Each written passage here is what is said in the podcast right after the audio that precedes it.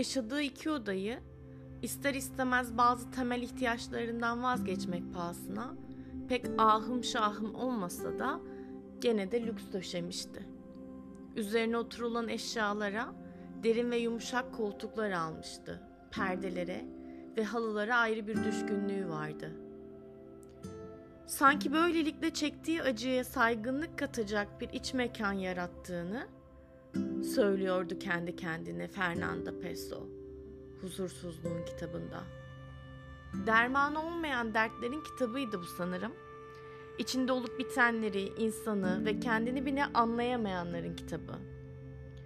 Evlerimizdeki loş ışıklı oda belki de aydınlığı her an bulacakmış gibi hissettiren, karanlığa da asla çekmeyen. Peso bence kendini en iyi anlayabilen yazar. Yaşadığı her şeyi ifade edebilme yetisine sahip kelimeleri ard arda sanki dizince ruhundaki karmaşayı gözler önüne seriyor. Heh diyorsun ya işte bu benim de hissettiğim ama ifade edemediğim her şey sanki burada ifade edilmiş. Umutsuzluklarımızda umut yeşertecek başucu değil de sanki e, baş, iç, baş içi bir kitap. Yaşamla, hayatla kargaşam hiç bitmiyor. Ne zaman biteceği ise aşikar. Örneklemek gerekirse ölüm bir kurtuluştur. Çünkü ölen insanın kimseye ihtiyacı kalmaz demiş Peso. Oysa ki her birimizin her birimize ihtiyacı yok mu? Belki bir insana bağlıyız ya da kim bilir bağımlı ya da evde bir nefese ihtiyaç duyma noktasındayız. Bir insan da olabilir bu, bir kedi de, bir köpek de, belki bir kuş da. Benim bir kedim var, adı Fındık. Otoban, otoban kenarından kurtarıldı, alındı, eve getirildi. Biraz büyüyüp alışana kadar evde baktık. Sonra evde hayvan popülasyonunun çok olması nedeniyle iyi bir aileye sahiplendirdik. Gel gelelim geceleri odaya almak istemedikleri için bizdeyken de benimle uyumaya alıştığı için yatak odasının kapısında çok ağlamaya başlamış. E, bu yüzden sahiplenen ailede kediyi bizlere geri vermek istedi. Çünkü ben onlara sahiplendirmeye verirken ne olursa olsun e, bir gün ondan vazgeçerseniz bir başkasına vermeden ya da sokağa bırakmadan önce lütfen bana haber verin demiştim. Ellerimle teslim ederken bunları söylemiştim. O zaman pandemi zamanıydı, evdeydik. Telefonum çaldı ve sokağa bırakacaklarını söylediler. Gidip almazsak. Bir şekilde sokağa çıkmanın izinli olduğu saatlerde gidip e, fındığı o aileden aldık, eve getirdik. Ama ev ailesine kök söktürüyordu. Elleri ellerim hep yara bera içinde kalmıştı. Böyle bir sinir, bir korku duygusu. Cehennem etti evi bize. Ne yapacağız, ne edeceğiz oturduk düşünüyoruz. Düşünüyoruz. Belli ki şiddet görmüş yuvası olduğu evde. Veterinere gittik, antidepresan verdik derken hiçbir çare bulamadık. Dedik ki salalım madem sokağa e, gitsin ortamının ağası, mahallenin ağası olsun. Gözyaşları içinde açtık apartmanın kapısını. Pusetinin kapağını açtık. E, bekliyoruz ki çıkacak ve dışarı gidecek.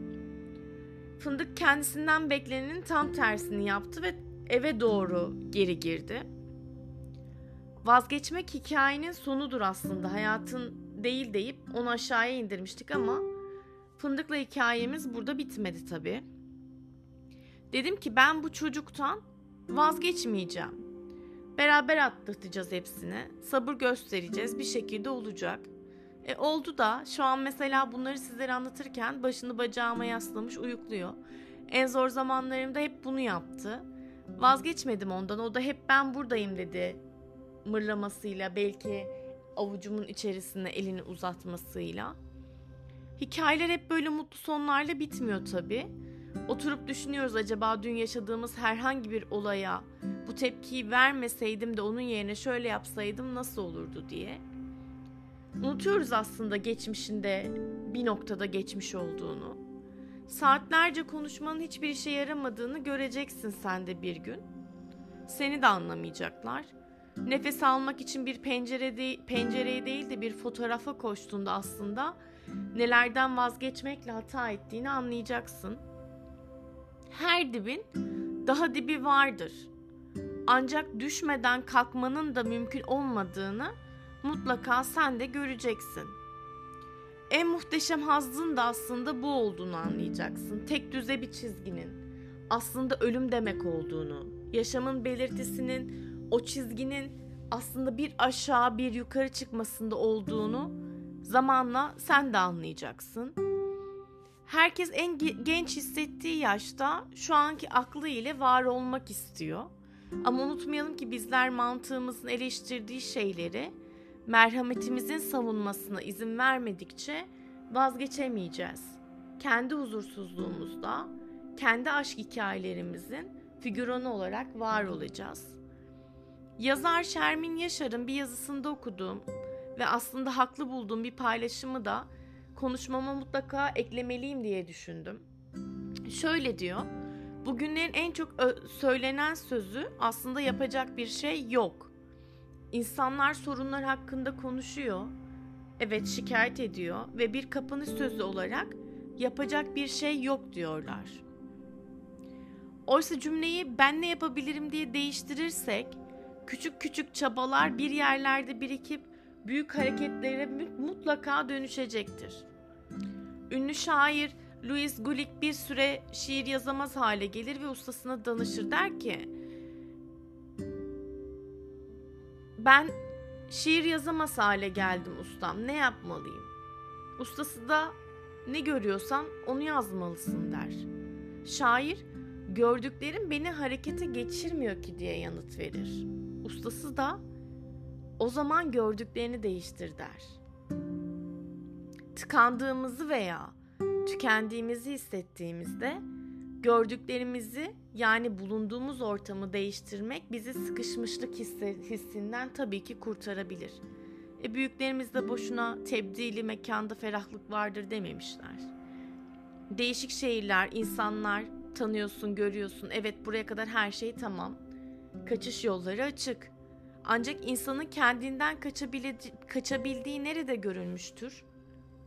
Telefon gibi kapatabilsek keşke kendimizi ya da içerilerde bir yerde sesler yükseldiğinde sesi şöyle kısabilsek biraz. Hop bir dakika ne oluyor sessizlik istiyorum diyebilsek de içerilerde hoşlandığımız bir ezgiyi açabilsek. Şu dertleri bir şekilde kenara koymayı öğrenmek lazım. Evet. İşte o zaman bunu öğrendiğimizde herhangi bir yerde herhangi bir zamanda bizler de huzuru bulabiliyor olacağız. Eat, Pray and Love filmini izlemişsinizdir. İzlemediyseniz de lütfen benim için izleyin. Orada der ki, yıkım her zaman için dönüşüme giden yoldur. Huzursuzlukların sonucunda vazgeçeceğiz ya da bizden vazgeçecekler. Nefes alamayacağız ama sonunda dönüşüp değişeceğiz ve eminim ki en güzel halimizde dönüşeceğiz. Biri tarafından kurtarılmayacağız. Kendi kurtuluşumuz ancak kendimiz planlayıp başaracağız. Şikayet etmeyi bırakıp yola çıkacağız. Ya bir yol bulacağız ya da bir yol bulacağız. Adamın biri fil kampından geçerken çok acayip bir görüntüyle karşılaşıyor. Fillerin kafeslerde veya zincirlerle tutulmadıklarını fark ediyor. Kamptan kaçmalarını engelleyen tek şeyin aslında bacaklarından birine sadece bağlanmış küçük bir ip parçası olduğunu görüyor. Adam fillere bakıyor, şaşa kalıyor. Filler ipi koparıp kamptan kaçabilme gücüne sahip olmalarına rağmen bunu yapmıyorlar. Hatta biraz daha dikkatlice bakınca bunu kolayca yapabilecek olsalar bile bunu hiç denemediklerini bile fark ediyor. Adam meraklanıyor. Hemen yakınlardaki bir fil eğiticisinin yanına gidiyor fillerin neden öyle durduklarını ve neden kaçmaya çalışmadıklarını soruyor. Eğitmen sakin bir şekilde şöyle cevap veriyor. Çok küçükken filleri bağlamak için aynı boydaki ipleri kullanıyoruz. Bu ipler o yaşlarda onları tutmaya yeterli oluyor. Büyüdükçe kaçamayacaklarına inanmaya şartlanmış oluyorlar. Dolayısıyla iplerin hala onları tuttuğuna inanıyorlar. Bu yüzden asla serbest kalmaya çalışmıyorlar. Hayat, hayatın içindeki insanlar, kafanın içindeki değerlerin, insanların sana yapmak zorunda hissettirdikleri, etik ilkeler, kurallar bütünü, el alem ne derler, seni ne kadar geri tutmaya çalışırsa çalışsın, her zaman ulaşmak istediğin şeyin mümkün olduğuna inanarak denemeye devam etmelisin. Tekrarlıyorum. Hayat, hayatın içindeki insanlar, kafanın içindeki değerlerin, insanların sana yapmak zorunda hissettirdikleri etik ilkeler, kurallar bütünü, el alem ne derler? Seni ne kadar geri tutmaya çalışırsa çalışsın, her zaman ulaşmak istediğin şeyin mümkün olduğuna inanarak denemeye devam etmelisin. Huzursuzluklarını kenarda bırakıp omzundaki yükleri yavaşça yere bırakıp onlardan vazgeçip ben ne istiyorum'a odaklanıp yaşamalısın bu hayatı. Hayatı anlamak zorunda değilsin. Hayatı anlamak zorunda değiliz. Yaşayabiliyor olmamız yeterli. Hiçbirimiz maalesef ki ya da iyi ki dünkü insanlar değiliz. Değişim ve dönüşüm içerisindeyiz. Ne mutlu ve de ne yazık ki. Hayat yaptıklarımız kadar yapamadıklarımızdan da oluşmuyor mu? Ve ne yazık ki bazen öğrenmenin tek yolu yaşamak. Ve asla nasıl biteceğini bilemeyiz. Bugünün de, yarının da. Emin olduğumuz tek şey dün, dünde kalanlar. Bugün ise kiminle, nerede, nasıl olacağımızı biz belirleyeceğiz. Mutlu bir anın ileride canımızı acıtmayacağını bilemeyiz ama yaşanılan bir acı karşısında ileride bizleri ne gibi mutlulukların da beklediğini hiçbir zaman bilemeyeceğiz. Yani an. Hayat bu. Bir bakarsın her şey bir anda son bulur. Hayat bu. Son dediğin an her şey yeniden can bulur.''